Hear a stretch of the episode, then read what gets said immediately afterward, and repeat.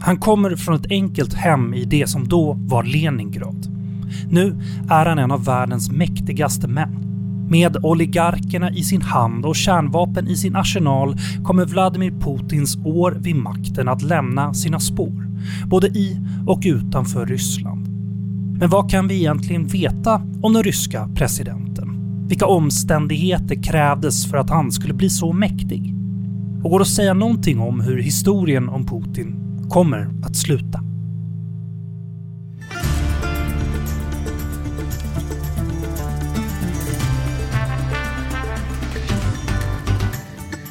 Du lyssnar på Utrikespolitiska institutets podd Utblick. Jag heter Jonas Lövenberg. I det här avsnittet ska vi som sagt prata om Vladimir Vladimirovich Putin, Rysslands president. Vi ska förstås säga något om det som pågår i Ukraina, men vi ska främst ägna oss åt att förstå vem Vladimir Putin är och hur han hamnat i den otroliga maktposition han befinner sig i. Och för att hjälpa mig och er att förstå det här bättre har jag med mig i studion Johanna Melén, Sveriges Radios Moskva-korrespondent. Välkommen! Tack så mycket. Och Martin Krag, biträdande chef för Centrum för Östeuropastudier, även kallat SEVS med sin engelska akronym. Han är även seniorforskare vid Utrikespolitiska institutet. Välkommen tillbaka till Utblick Martin. Tack så mycket.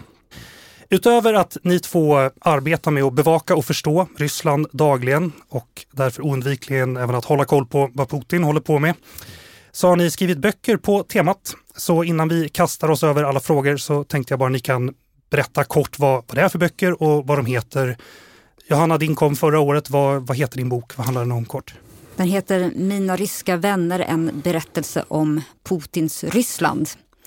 Och det är en bok som tar sin utgång i hösten 1999 när Vladimir Putin först dyker upp på den rikspolitiska scenen i Ryssland och blir utsedd till premiärminister av Boris Jeltsin och sedermera president. Och samtidigt så befann jag mig i Ryssland, i Sankt Petersburg, skulle plugga rysk litteratur och träffade de vänner som boken handlar om. Och det är en, en berättelse som med de här mina vänner som jag har fortsatt ha kontakt med, deras eh, hjälp eh, berätta om den utveckling som har, har skett i Ryssland sen, sen Vladimir Putin kom till makten. Kan man Väl, säga. Väldigt spännande och det är ju det vi ska prata om idag så det passar ju utmärkt.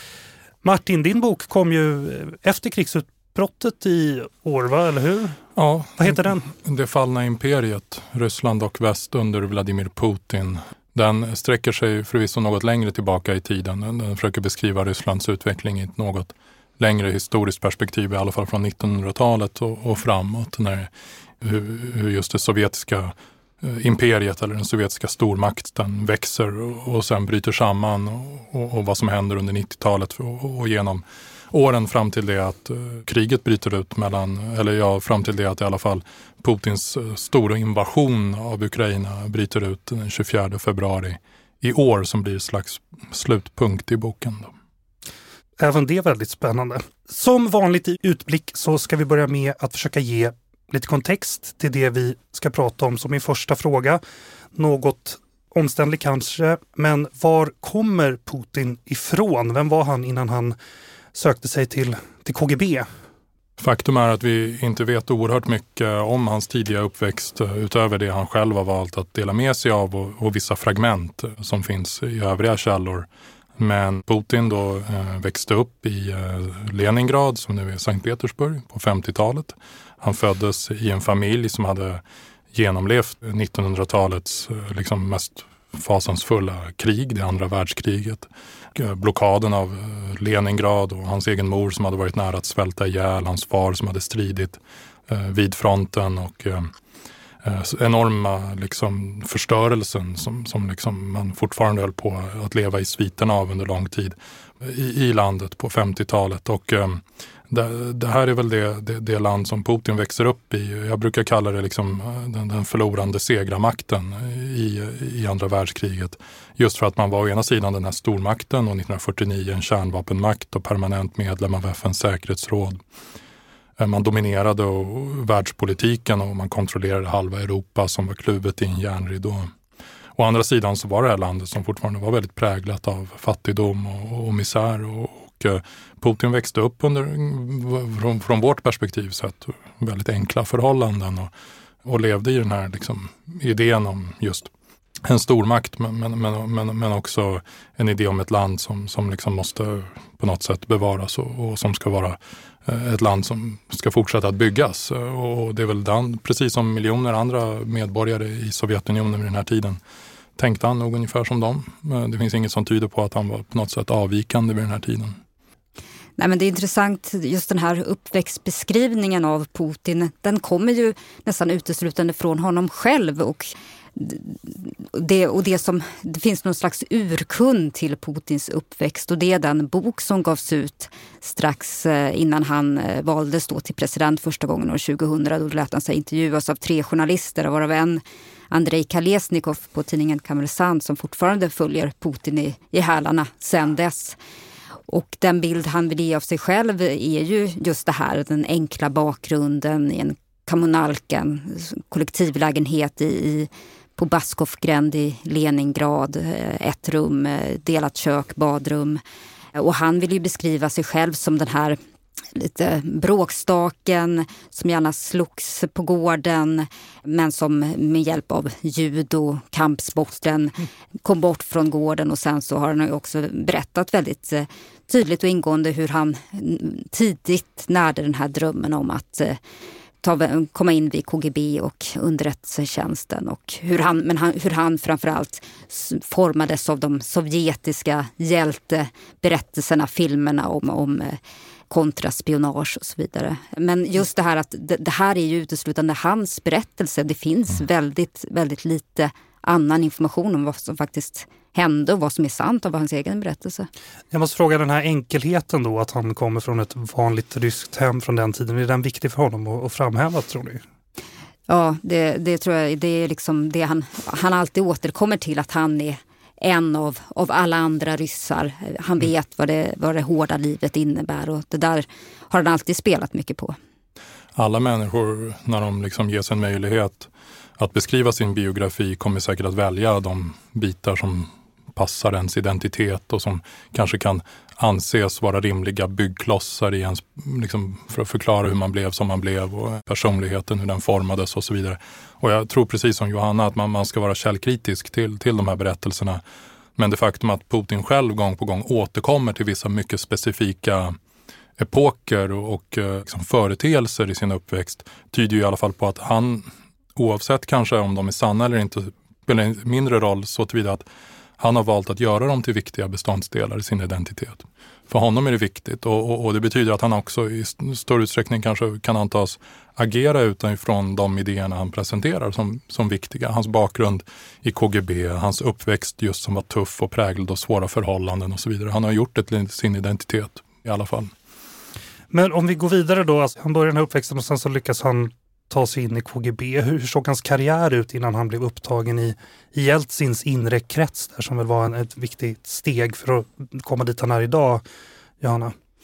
Ja, men han, han studerade ju då på det så kallade Andropov-institutet i Moskva i slutet av 70 början av 80-talet tror jag. Och därefter började han då sin utlandstjänstgöring inom KGB i Dresden i Östtyskland. Och där var han ungefär fram till murens fall och eh, kom tillbaka till ett Ryssland då som, som eh, ja, började kämpa sig fram i, i den nya tiden som var då efter Sovjetunionens fall. Och han återvände då till, eh, till Leningrads statliga universitet men blev ganska snart värvad till då Sankt Petersburgs dåvarande borgmästare Anatolij Sabchak till hans borgmästarkontor och eh, hade ansvar för utrikesförbindelser och blev också vice borgmästare i Sankt Petersburg. Och det som framförallt är intressant med den här tiden, förutom att det också finns väldigt mycket uppgifter om skumraskaffärer, korruptionsanklagelser redan på den tiden så är ju det att de människorna som han lärde känna vid den här tiden också tidigare i, under sin uppväxt i Leningrad, det är ju de personerna som vi idag ser vid den ryska makten, i Kreml, vid de stora bolagen som äger de stora naturtillgångarna. Så att eh, den där tiden har ju på så sätt spelat en väldigt stor betydelse för det maktsystem som vi har i Ryssland idag eftersom han har fortfarande omger sig med de människorna som han hade tjänat för väldigt länge sedan och som han har valt att eh, lita och sätta sin tilltro till. Och sen så kommer han ju då efter att Sobchak eh, förlorar i, i eh, borgmästarvalet 96 är det väl, så mm. blir han värvad av tidigare kollegor som redan då hade blivit förflyttade till, till Kreml i Moskva och kommer in vid presidentadministrationen där och där gör han en väldigt snabb, snabb karriär och blir sommaren 98 utsedd till chef för den ryska underrättelsetjänsten FSB och året därpå till premiärminister. Okej, okay, men hans, hans första då jobb då med, tillsammans som vice borgmästare, och så här, var han en, en väldigt offentlig person? Var han någon som syntes? Han har väl beskrivits ganska mycket som en grå kardinal där som ofta syns på bilder som finns från den tiden. Ett steg bakom Anatolij Sabchak. Men en person som, som verkade i bakgrunden och drog i väldigt många trådar. En spindel i nätet där under den här tiden i Sankt Petersburg. Det är väl den bilden som trädde fram. Ja, och det, det måste också ha varit ett, den typen av rykte han hade om sig också när han fördes till Moskva. En person som just var duktig på att lösa problem, som inte stack ut för mycket och som respekterade befälsordning och auktoriteter och inte öppet utmanade personer ovanför honom och så vidare. En försiktig person, pragmatisk och så vidare. Men som precis, det finns ju knappt några intervjuer med honom från hela den här tiden.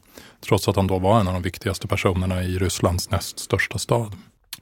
Men vi ska säga innan han då blir president, den här, på, den här bakgrunden då som vi nu kanske har eh, sprungit igenom nästan. Hur, hur påverkar den här ba bakgrunden den han är idag tror ni? Alltså det, jag tror att det finns, det finns ju två händelser i hans liv innan det att han kom in i storpolitiken som han har liksom gång på gång återkommit till. Den ena är just den här uppväxten mm. Eh, i, i Leningrad på 50-talet, 60-talet. Den andra är, är ju hans erfarenheter av järnridåns fall och Sovjetunionens eh, sammanbrott 89 till 91 som han har beskrivit som den här 1900-talets största geopolitiska katastrof. Han har kallat det den händelse han helst av alla skulle vilja se ogjord och så vidare. En stor oförrätt som drabbade Ryssland. Och han har ju också på senare tid mer och mer tydliggjort att han betraktar ju Sovjetunionens sammanbrott inte som liksom kommunismens försvinnande ut ur historien utan just som det här tusenåriga riket som man har kallat det. Liksom det här Storryssland som växte fram från medeltiden och besegrade sina fiender, stärkte sin auktoritet och så vidare. Det är det han liksom har försökt restaurera. Det är det jag liksom refererar till som det fallna imperiet. Den här idén om ett imperium som ska återuppbyggas, eller en stormakt. Och det, det, det, det, är ju den utsiktsposten han hade 89 när, när Berlinmuren föll och han jobbade där på residenturen på KGBs eh, högkvarter i Dresden och det har han ju liksom beskrivit som väldigt traumatiskt och väldigt målande, nästan sådär som en eh, rysk novell eller någonting i den stilen. Ganska kul eh, på sätt och vis eh, rent, eh, rent och innehållsmässigt. Men, ja. men han beskriver det ju då som ett stort trauma egentligen. Då. Men hur de då förstörde dokument tills det att kaminen sprack och, och sådär och folkmassan som kommer och omringar byggnaden. Och han ringer efter förstärkning och då får han ju höra de här två orden som han säger han aldrig kan glömma på andra sidan luren en mans röst som säger Moskva malchit, Moskva är tyst, det kommer ingen förstärkning. Det var ju det här som var Brezhnev-doktrinens upphörande. I, att, eh, liksom, att sovjetiska militären eller Warszawapaktstaterna skulle försöka hindra förändringar i kommunistblocket militärt. Det sker ju inte under Gorbatjov utan tvärtom. Gorbatjov välkomnar ju i alla fall, möjliggör ju Tysklands återförening och det är ju det som är början på slutet i Sovjetunionens historia. Den här eh, turbulenta tiden, alltså under 90-talet, murens fall, åren efteråt när man försöker hitta på en, en ny ekonomi och sådär. Kan vi inte berätta lite om vad som hände i Ryssland? Alltså vad var det för stämning som banade väg för en person som Putin, Johanna? Ja, men det här 90-talet det har ju verkligen levt vidare i, de, i dagens Ryssland. Bilden av det här förskräckliga årtiondet då Ryssland förlorade sin stormaktsstatus, då ekonomin kraschade, då miljontals människor blev fattiga. Det fanns brist på det mesta och det som hände var ju, och det här är ju en bild som man fortfarande i dagens Ryssland från maktens sida använder väldigt eh, aktivt som ett varnande och också ett exempel på vad som händer om man låter de demokratiska krafterna släppas fria. Och det här kaoset till 90-talet ska vi aldrig mer återvända till. Men det som händer är ju att eh, planekonomi näst, mer eller mindre över en natt ska, ska bytas ut till en marknadsekonomi. Man släpper marknadskrafterna fria. det finns ju många som har kritiserat eh, hur det genomfördes men att det var tvunget att genomföras är ju, är ju sant. Och sen var det också ett årtionde, 90-talet, då Ryssland utkämpade först ett krig i, i Tjetjenien som var katastrofalt för den ryska armén. Man var dåligt rustad, armén eh, hade, väldigt, eh, hade förlorat sin, sin gamla glans. Man, man förlorade mer eller mindre det kriget mot de tjetjenska motståndsmännen. Och det här gjorde ju också president Boris Jeltsin oerhört impopulär bland den, en stor del av den ryska befolkningen. Man anklagade honom för Sovjetunionens sammanbrott. Man anklagade honom för den ekonomiska situationen, för kriget. Och när Vladimir Putin då dök upp som, som ersättare så, så fanns det en, en, i alla fall enligt de opinionsmätningar som gjordes vid den här tiden så fanns det en, en stark eh, vilja och eh, önskan om förändring i form av en stark ledare som man inte såg i Jeltsin utan man, man såg honom som en som hade delvis sålt ut sitt land, eh, gått med på västvärldens krav. Man ville se en, en stark hand som man ansåg behövdes för att få Ryssland på, på fötter igen. Ja, Ryssland genomgick ju i alla fall liksom tre parallella kriser under 90-talet. Det var ju liksom den här eh, ekonomiska krisen som Johanna pratade om. Det var också en politisk eh, kris eller någon typ av identitetskris, omställningen från ett kommunistiskt system, partidiktatur till någon typ av politisk pluralism och demokrati med allt vad det innebar, svåra prövningar för att eh, ett land, i ett land som inte hade en sån tradition. Och sen det tredje var ju liksom att du hade en territoriell kris. Eh, Tjetjenien är ju det yttersta exemplet på det. Men, men det fanns ju en starkt utbredd uppfattning hos stora delar av de ryska eliterna om, om att liksom den här ryska federationen som hade uppstått då 1991 hade liksom oklara gränser. Och, och, och det var också ett land som aldrig tidigare hade existerat inom dessa gränser. Faktum är ju att eh, dagens ryska federation har ju sina rötter i den sovjetiska konstitutionen från 1978. Mm. Och under hela det, och det var inom ramarna för den konstitutionens gränsdragningar som, som liksom Sovjetunionen bröt samman. Och, och, och under hela det 1900-talet så förändrades ju de interna gränserna i Sovjet vid flertalet tillfällen. Det mest kända exemplet idag som många brukar referera till är ju att man 1950 fyra, förlåt tror jag det var, eh, flyttade gränserna för Krim, då, eh, halvön, från eh, den ryska Sovjetrepubliken till, till den ukrainska. Men faktum är att det hade ett dussintal liknande gränsomdragningar under hela 1900-talet. Så att allt det här var ju liksom olika typer av av liksom konflikter och så som kom upp till ytan när, när du hade olika grupper som gjorde anspråk på, på ett nytt politiskt system. Hur skulle det se ut? En ny ekonomi? Hur skulle den se ut? Gränsdragningarna, det mest farliga för explosiva frågan. Eftersom den har att göra med krig och fred också, också dök upp vid den här tiden. Så att liksom Jeltsin fick ju skulden för alla de här problemen parallellt mm. egentligen och de hängde ju ihop givetvis. Och hans ansikte utåt var väl kanske inte toppen på slutet. Han hade väl alkoholproblem, eller sades åtminstone. Eller jo, han var det sades, och... det, sades, det behövde inte sägas. Det, Nej, okay. det syntes. så, men eh, han, han, precis, så han led och, och, på sista åren säkert också många liksom, tuffa sjukdomar ja. och så här, efter ett eh, osannolikt hårt liv. Också på tal om uppväxt. Jag menar, herregud, de som, han växte upp på 30-talet och som barn genomlevde liksom andra världskriget och så vidare. Så att eh, menar, även Jeltsin visste ju liksom mm. vad, de sakerna betydde.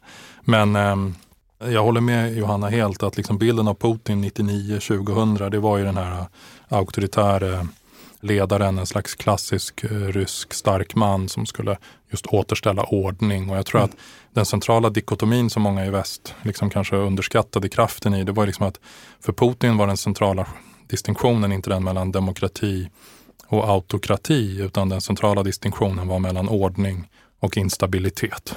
Mm. Och han sa, jag företräder ordning. Och det är demokrati. Så liksom när han började bygga sin maktvertikal som han kallade det, det här mer auktoritära styret, han började urholka demokratin i själva verket. Eh, så gjorde han ju det i tecknet av demokrati. För att mm. han sa att liksom, att bygga ett starkt Ryssland, det är det folket vill ha. Och det folket vill ha är demokrati, jag företräder denna ordning. Men i, i den här kristiden för Ryssland kunde, kunde väst och, och, USA ha agerat annorlunda för att till exempel hjälpa Ryssland då för att ge en mer positiv bild av till exempel demokrati och att vi inte, man inte behöver starka män. Missade väst en chans här att komma närmare Ryssland? Vad tror ni? Jag vet inte. Jag, det, det, enda som man kan säga är väl att eh, västvärlden gjorde ju väldigt mycket för att eh, bygga upp en ny relation med, med liksom det, det nya landet, eh, den ryska federationen. Man släpptes in i alla eh, olika sammanhang, organisationer, ekonomiska, internationella.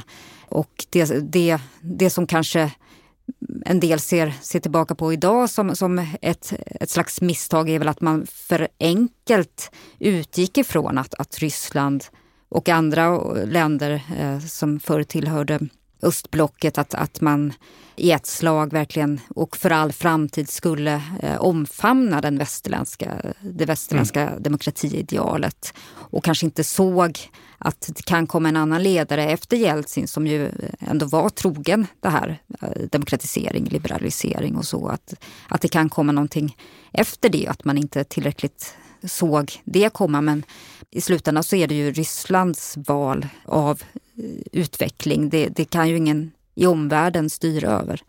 Nej. Nej, och relationen mellan Ryssland och väst blev ganska tidigt problematisk. Ska mm. man komma ihåg. Det är inte så att det är ingenting nytt. Eh, utan, eh, och det, och det, det liksom, på 90-talet kan man säga att det, det, liksom på, det såg lite annorlunda ut kanske. Men, men jag menar, du hade de här ekonomiska reformerna som då associerades med krisåren i Ryssland och de blev väldigt impopulära.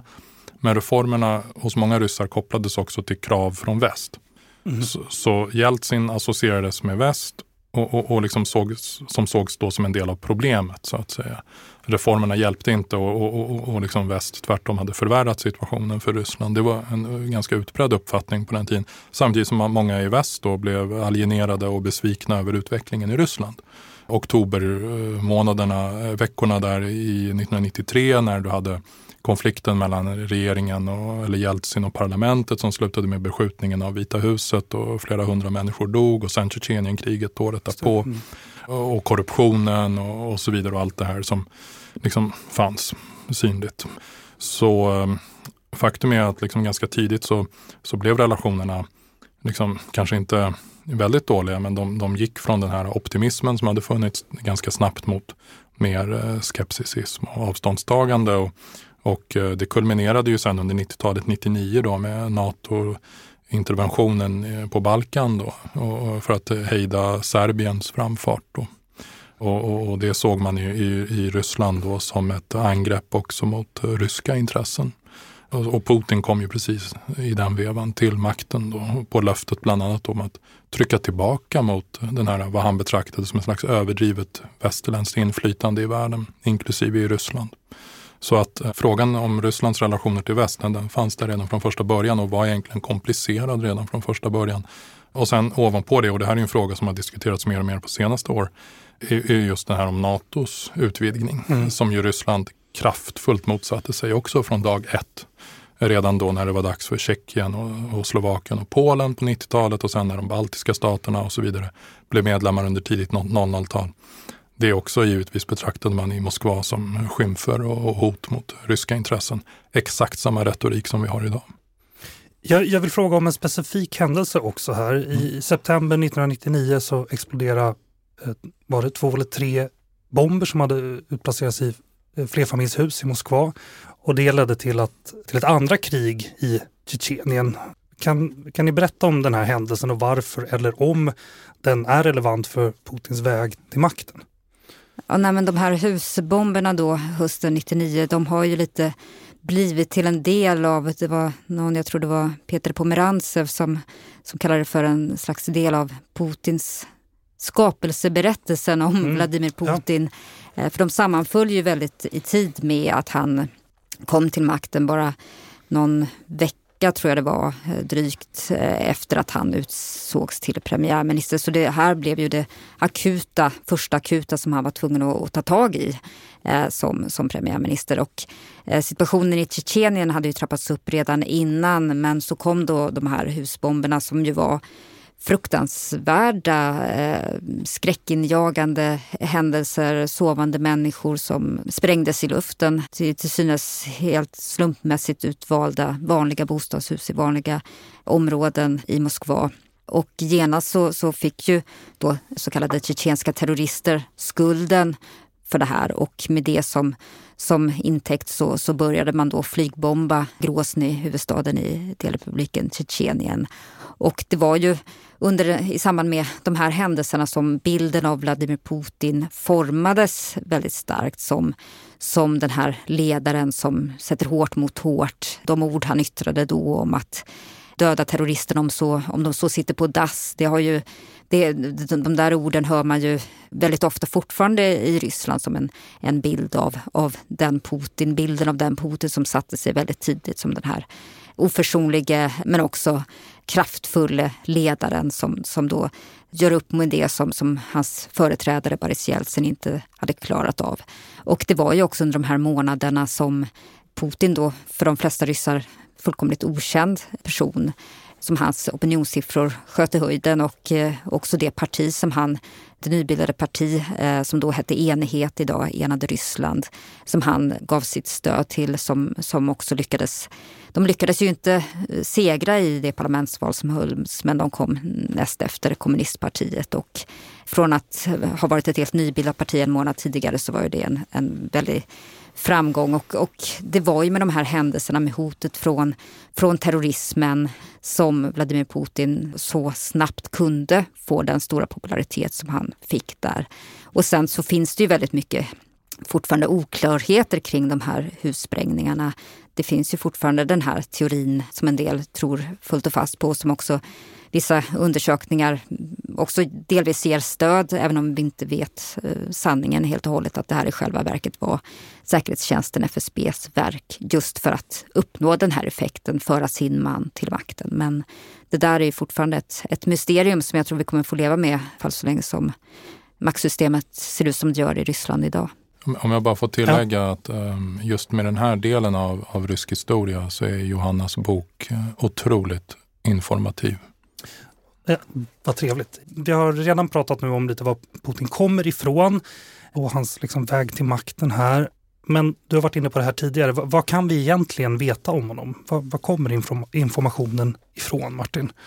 Alltså, från det att han blev en offentlig person så har vi ett helt annat källäge givetvis. Eh, så tillvida att eh, alla hans offentliga anföranden och, och möten med mera finns väl dokumenterade.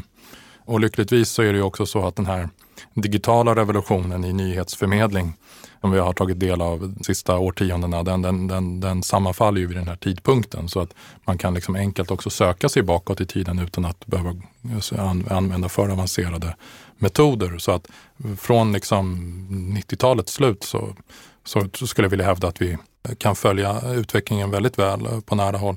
Eh, dessförinnan väsentligt sämre. Det är också tydligt att Putin vidtog åtgärder för att sanera sitt förflutna. Och, och många äldre liksom i Ryssland som kanske hade kunskap och kompetens finns inte kvar i livet helt enkelt som kunde berätta och ge andra motbilder. Eh, alltså, de har bara dött av ålder ofta och sådär.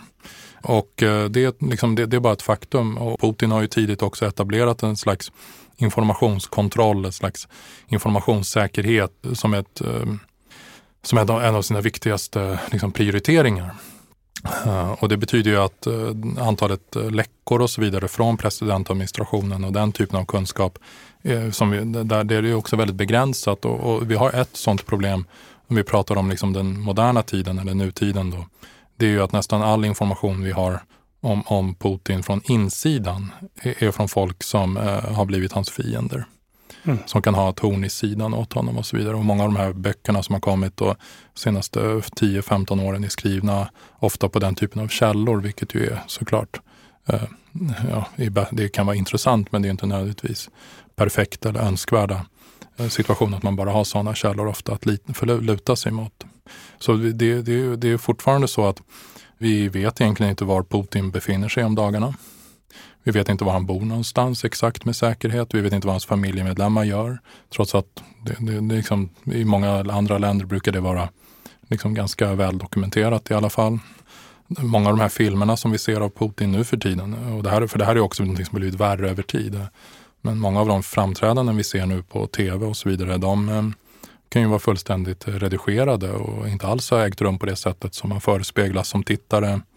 Man vet inte ens när de kan vara inspelade. Så att eh, Putin kommer till makten också är, sammanfaller också med att vår eh, inblick i det ryska politiska styret då blir eh, begränsad. Så samtidigt som vi å andra sidan har väldigt god tillgång till dokumentation om det vi vet och kan veta för att det finns digitalt dokumenterat så blir liksom också det här just insynen i makttoppen blir mer och mer begränsad.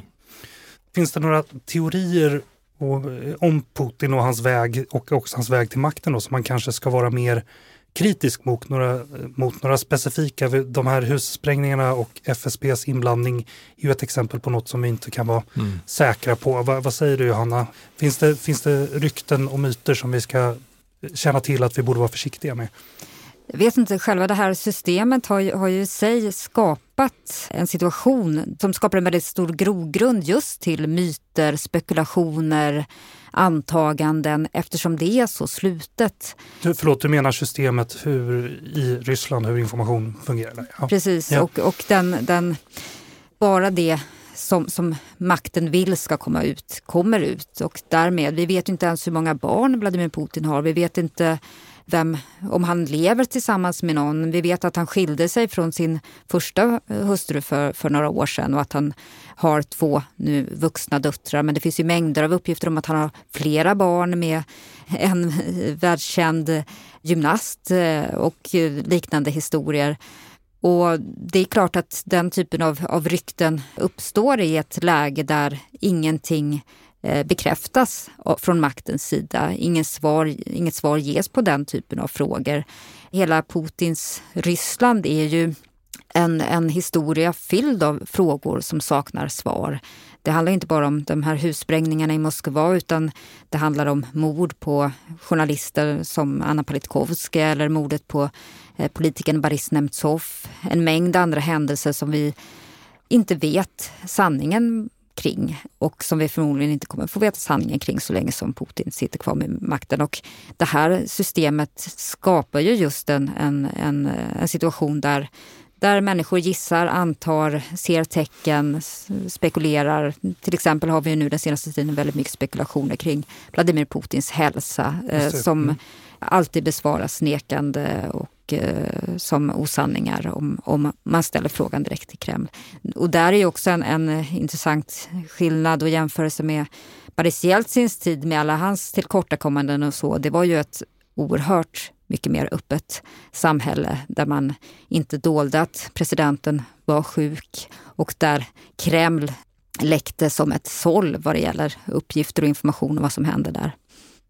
Det finns en kan också kalla det en, alternativ skapelsemyt om, om liksom Putins väg till makten. Ja. Som vi skulle kunna kanske sätta frågetecken kring. Ja. Uh, och då, vet, då jag är det här medveten om att jag polemiserar mot en del kända liksom, populära böcker om Ryssland, inte Johannas bok, uh, men, uh, men andra.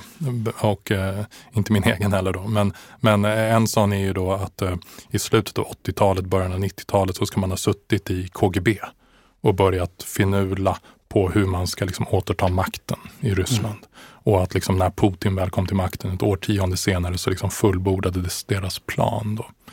Tio år är alldeles för lång tid för att du ska kunna styra ett sådant händelseförlopp och, och slump och olika omständigheter har, har för stor betydelse. Och, och, och, vi nämnde ju liksom nu en, på sätt och vis en tillrättalagd historieskrivning om hur mm. Putin kom till makten. För att kort innan det att han blev utnämnd till premiärminister hade Jeltsin avverkat två andra mm. minst lika, eller till och med mer på sätt och vis, på sätt och vis mer kapabla personer än vad Putin var.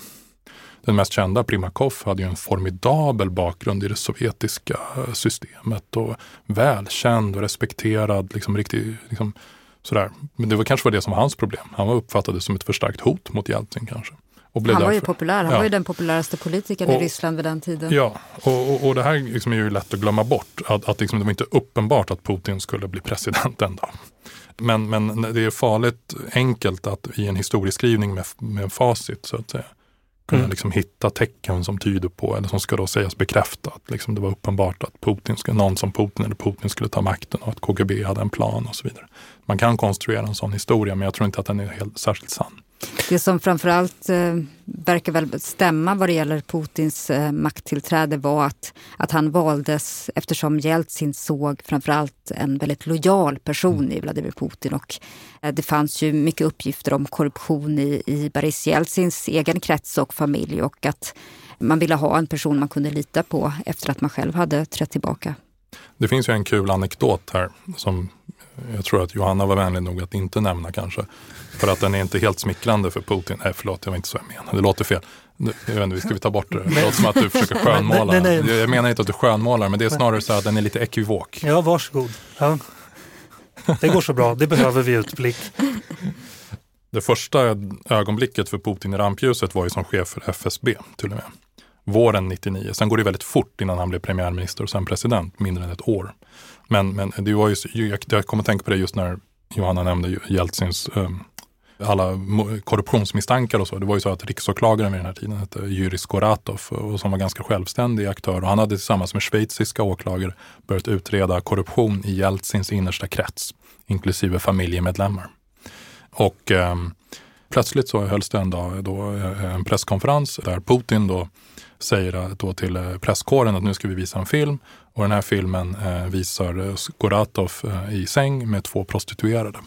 Och, och, och, det här då var ju liksom en enorm sensation som fullständigt slog, under ben, slog undan benen för den här personen.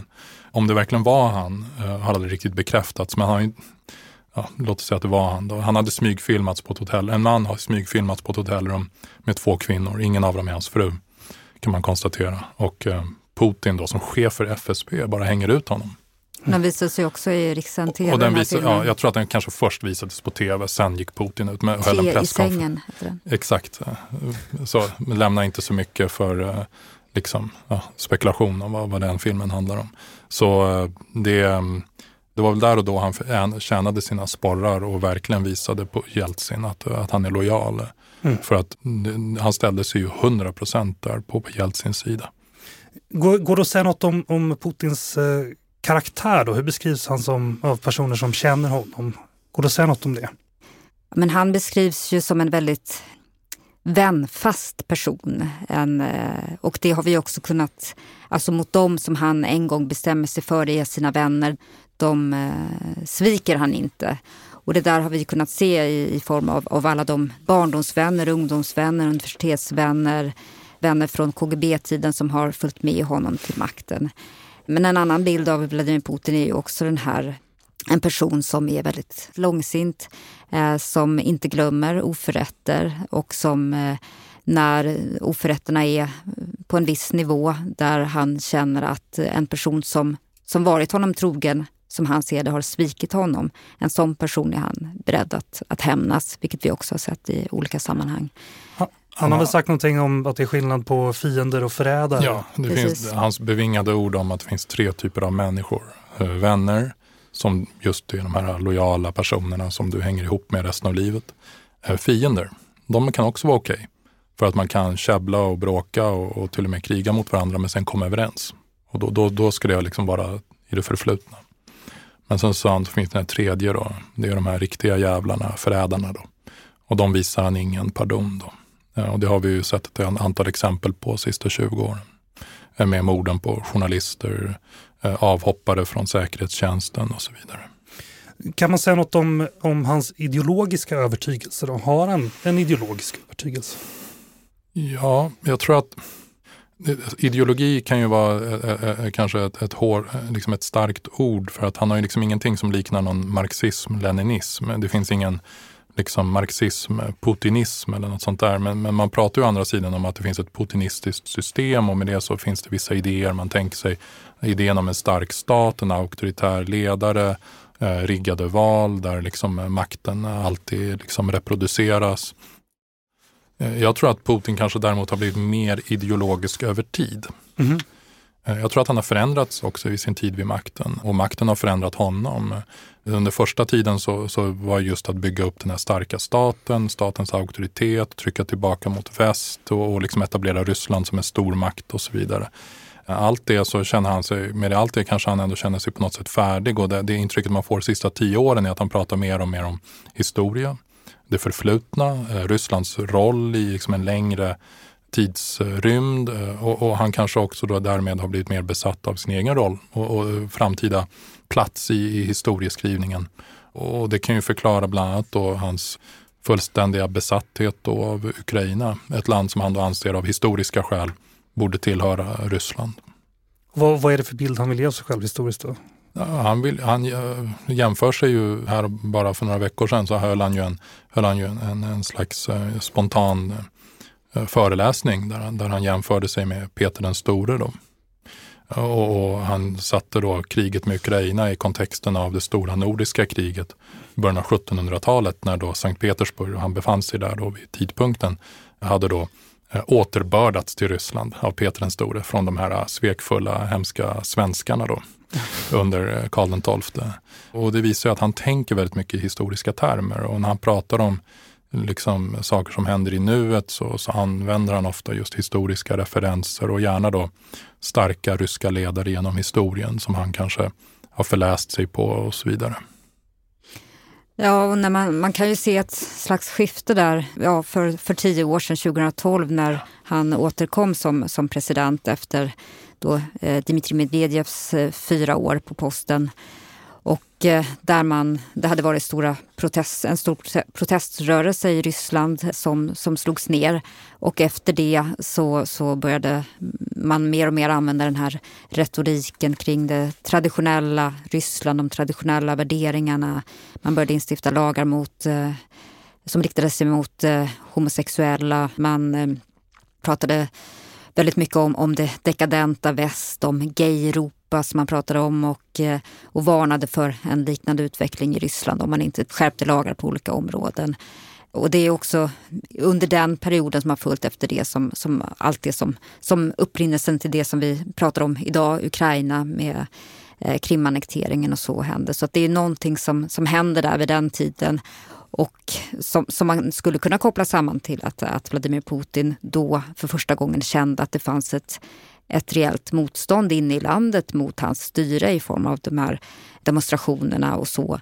Men eh, också om man lyssnar till, till ryska oppositionella så, så, så är det många som tvekar på att han egentligen har någon slags ideologi eller någon slags idé utan att det som framförallt styr den ryska makteliten det är ju deras välstånd, deras rikedomar, deras eh, sätt att leva. Att det framförallt är det de känner sig hotade av och så använder de olika berättelser om, om historia, om, om eh, traditionella värderingar, om, om ryska världen som, som någon slags täckmantel för att det man egentligen är intresserad av det är att behålla makten och, och sina pengar. Det är, det är också en, en, en bild som finns av, av det här vi pratar om. Apropå det här, hur rik är Putin? Går det att veta det? Nej, och det, det är egentligen en ganska irrelevant fråga ja. så tillvida att Putin i egenskap av, liksom Rysslands enväldiga ledare, han, han, har ju tillgång till hela den ryska statens mm. arsenal av, av, resurser. Om han vill eh, åka en stridsvagn genom centrala Moskva så flyttar de, ger de honom en stridsvagn och åka runt i. Alltså det finns liksom inga begränsningar Nej. för det, liksom den typen av materiella liksom tillgångar han kan förfoga över. Och det här liksom avslöjanden om liksom det här palatset som mm. har uppförts vid Svarta havet och uh, alla liksom, uh, grejer som han då har synts med, liksom värld, superdyra klockor och kostymer och allt det här. Han, han, han, liksom, det är klart att någon, någon ser till att liksom leverera det här till honom på ett eller annat sätt. Och, och, det är ju dels då att han har statens resurser till sitt förfogande. Sen är det ju alla då runt omkring honom som säkert förmedlar olika gåvor och, och, och så vidare och för att sätta sig i god dagar. Och, och, det har ju säkert pågått under lång tid och det är ju dessutom ett system som reproduceras genom hela makteliten från toppen neråt, så att mm. säga, där, där den typen av välstånd byggs. Då, och där liksom den centrala skillnaden kanske mellan ett land som Ryssland och säg ett land som ta, ett typiskt västland är ju så att i USA exempelvis kan du ju liksom få politiskt inflytande om du är en framgångsrik affärsman. Mm. Då kan du börja bedriva kampanjer, du kan liksom köpa reklamtid på tv och, och så vidare. I, i, I, Ryssland är det ju tvärtom. Har du politisk makt så kommer välståndet från din politiska position. Mm. Och förlorar du din politiska position så för, förlorar du även välståndet. Och det är ju därför jag tror, liksom, som Johanna sa, det blir så centralt att hålla kvar vid makten. För det är också ett sätt att hålla kvar vid dina privilegier. Mm. Bara apropå det här palatset då som, som han ska ha byggt. Det, det sticker väl ändå, ändå i ögonen på, på ryssarna när det blir så uppenbart, eller? Uh, jo, men sen har det också haft en tillvänjning under 30 års tid. ja. av enorma inkomstklyftor. På ett sätt som är, det är ju tragiskt givetvis, men jag tror att det finns där. Och eh, det, det har ju liksom gått så pass långt nu att, att människor i praktiken kanske inte heller reagerar lika starkt som de borde. Och det vanligaste svaret på frågan om man pratar med ryssar om det här som inte är direkt eh, i oppositionen eller går ut och demonstrerar, det är ju att ja, det är klart, alla ledare är korrupta, alla politiker är korrupta mm. och den som kommer efter Putin kommer säkert roffa åt sig ännu mer. Så att det här är ändå bättre än, än att ha, få någonting nytt, mm. okänt, mm. som kanske är ännu värre. Och en stor del av, av det välstånd som Putin har står ju inte heller i hans eget namn. Vilket ju också är liksom en viktig påminnelse just om hur eh, centralt själva maktinnehavet blir för att också kunna fortsätta förfoga över det här. Inga av de här sakerna som man pratar om, då, om palats och om fastigheter i Italien eller vad det nu är, kan ju givetvis stå i hans namn. Det måste finnas mellanhänder eller då eh, plånböcker som de kallas, eller fickor ibland då, eh, på ryska, eh, som, som just förvaltar. Men det gör det också väldigt mycket mer flytande och spekulativt. Ett sådant exempel som avslöjades eh, av heter de OCCRP, den, ett internationellt kollektiv av journalister som bland annat fokuserat mycket på korruption och de här Panama-läckorna. Mm. kom det ju fram att en, en mycket känd musiker i, i Ryssland, Rol Dugin, eh, hade varit två miljarder dollar på ett konto. Det är mycket för en Och han är en av Rysslands äldsta och bästa, eller en av Vladimir ja. Putins äldsta och närmaste vänner. Ja, okay. Så kopplingen blev ju då att det, det, det är Putins pengar, eller liksom det är pengar som finns där för att kunna användas av liksom, i den ryska statens mm. intressen. Eller något. Det, är inte, det är definitivt inte Roldugins pengar. Och den förklaring som då gavs eh, av, av Putins presstalesperson Peskov var ju liksom väldigt krystad. Det var så här att ja, man hade fått de här pengarna för att köpa in dyrbara liksom klassiska instrument till ryska museer och sådär. Ja. Mm -hmm. Folk mm. får tro på det bäst de vill, liksom, om det är en rimlig förklaring. Vi måste hinna prata lite om Ukraina här, tiden går ju. I, i februari när jag pratade med er på, på SEVS så fanns en fullskalig invasion av Ukraina. Det fanns med era beräkningar men det sågs väl kanske som ett worst case scenario, så uppfattade jag i varje fall när jag pratade med er. Och det var förhållandevis oväntat när det väl inträffade att det skulle gå så långt. Alltså, och det var inte bara ni som gjorde den bedömningen, men har världen missbedömt Putin på något vis? Vad gäller själva kriget? Ja, hur aggressiv han Och Du får säga emot här om ni gjorde en, en annan bedömning än vad jag påstår. Nej, men här, vi har inte tillgång till Putins dagböcker. Nej. Eller så, men, men, men däremot så, och vi fast, men vi, faktum är att vi fäste inga sannolikhetsberäkningar vid något enskilt scenario. Utan okay. vi sa att Nej. vi kan inte utesluta, alla dessa scenarier är liksom mm. mer eller mindre lika sannolika. Och, och, och, en storskalig invasion var givetvis det som vi fruktade allra mest. Eh, det var absolut inget som vi avskrev eh, och, och det är ju någonting som har särskilt oss från eh, vissa andra bedömare som man har kunnat läsa om i svenska medier på sistone. Då. Så att visst, det går att göra olika bedömningar. Det är ingen som vet med säkerhet. Man får liksom lita till sin intuition ibland och, och ibland liksom helt, helt enkelt bara kvalificerade gissningar. Sen finns det ju en aktör trots allt som också då förefaller ha förutsett det här nästan på dagen. Det var ju den amerikanska underrättelsetjänsten. Så att helt ogenomskinlig är inte den ryska statens liksom, Nej. liksom yttersta spets.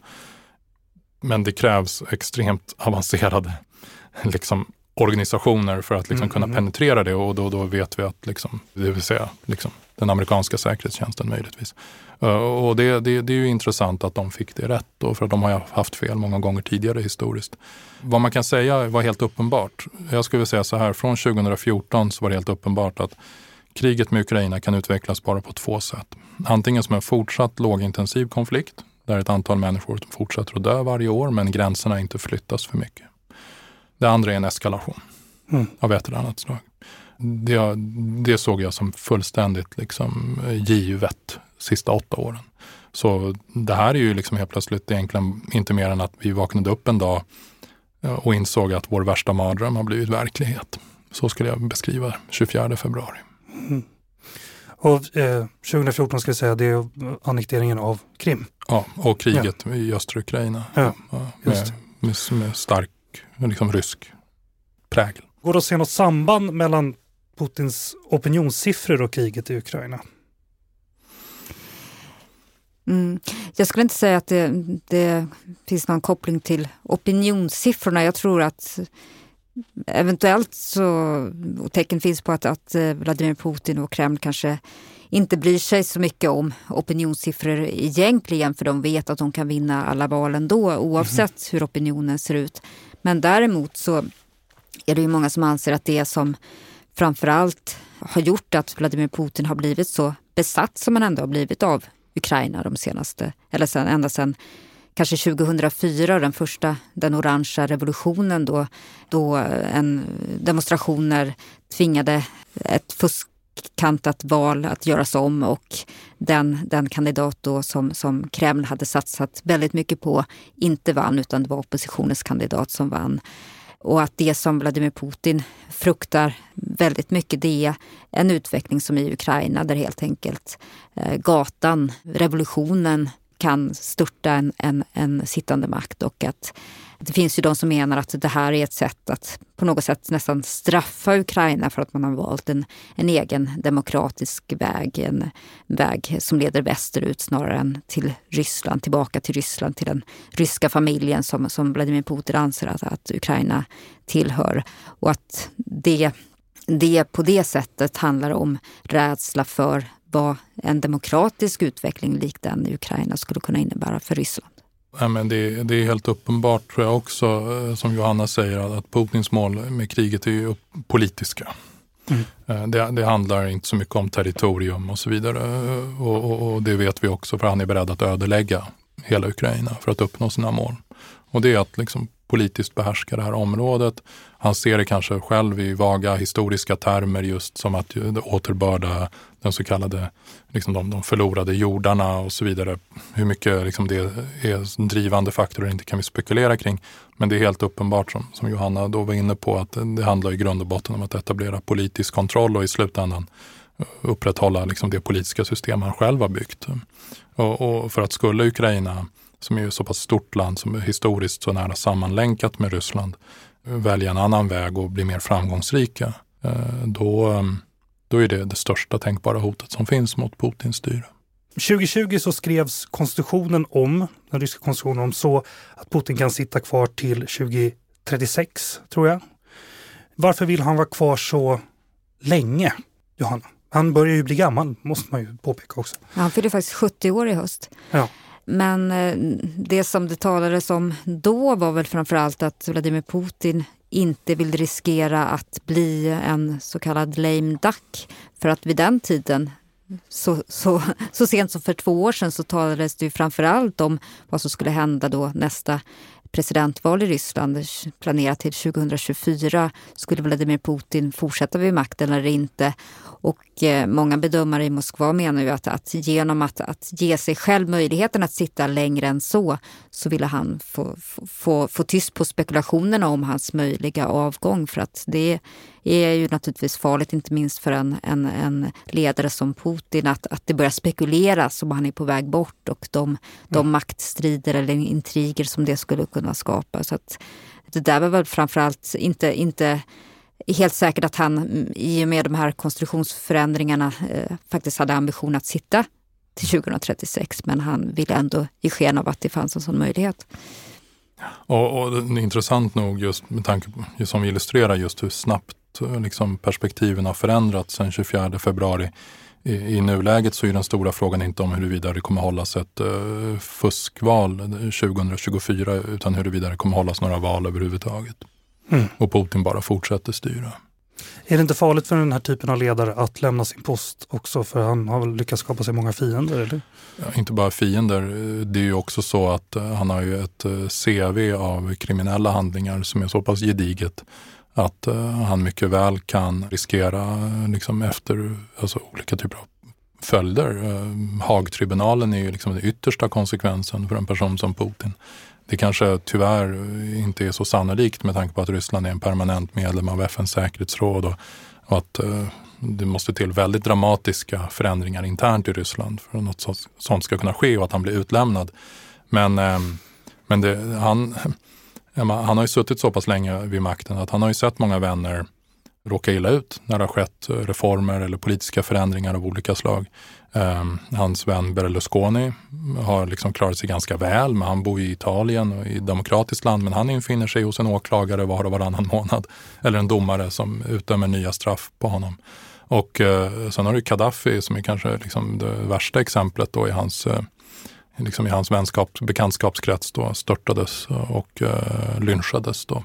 Mm. Ett, en händelse som sammanföll också med eh, hans beslut att återvända till makten 2012. Ju. Men tittar du också runt omkring eh, liksom grannländerna, Kazakstan, Kirgizistan, Georgien, Ukraina också för den delen, Moldavien. Alla dessa länder är det ju så att eh, tidigare ledare har fängslats på mer eller mindre uppdiktade grunder. Eh, och det räcker ju som hot för Putin. Han behöver inte mer information än så. Han vill inte sitta i fängelse. I sådana fall så är han hellre fortsatt eh, president tills eh, det är slut för honom på jorden. Okej, avslutningsvis då. En fråga som eh, Putin själv nog funderar mycket på. Alltså, hur tror ni att världen kommer att minnas Putin? Vad kommer det stå i historieböckerna? Johanna? Det där är väldigt svårt att spekulera kring men en, en sak som väl förmodligen kommer, som man skulle kunna tänka sig kommer stå om honom är väl hur han på samma sätt som att han på något sätt förknippas med slutet för den ryska epoken som följde på Sovjetunionens underbrott. Att man kommer beskriva det som händer nu eh, som, som, som början på slutet för, för Putins Ryssland. Jag tror att han kommer skrivas in i historieböckerna som en, en person som tog död på försöken att demokratisera Ryssland och framförallt som startade ett fullskaligt invasionskrig mot, mot Ukraina. Vad säger du Martin? Ja, eh, man ska också komma ihåg att historieskrivningen kan ju se väldigt olika ut beroende på vilket land Absolut. eller vilken del av världen ja. man pratar om. Eh, hur den kommer skrivas i väst kan vi vara rätt säkra på. Mm. För att det finns inget som tyder på att våra samhällssystem kommer förändras dramatiskt närmaste tiden. I Ryssland kommer ju historieskrivningen såklart präglas väldigt mycket av liksom vilken riktning landet tar. Och redan nu så har man börjat publicera nya uppdaterade historieböcker i Ryssland för skolbarn som alltså går hela vägen fram till invasionen 24 februari i år. Ja. Och som beskriver detta som ett rättfärdigt eh, eh, försök för Ryssland att återställa säkerhet och stabilitet för rysktalande för att eh, då skydda dem mot eh, ukrainska nazister och, västerländska eh, liksom, krig, krigsindustrier och så vidare som vill Ryssland illa.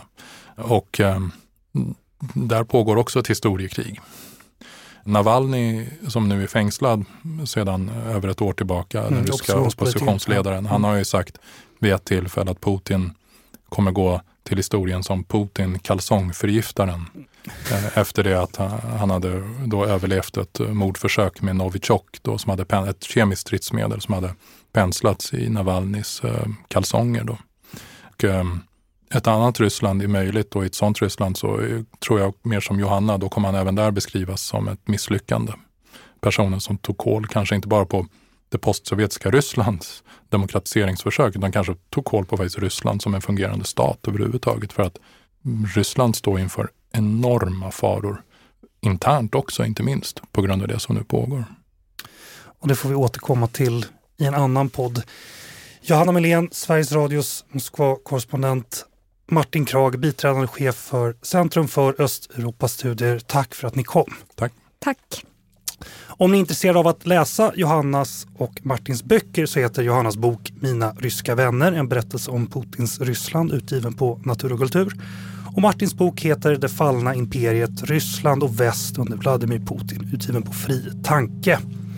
Och om du är intresserad av UIs forskning och omvärldsbevakning, kolla in ui.se. Vill du höra mer av Johanna, lyssna på P1.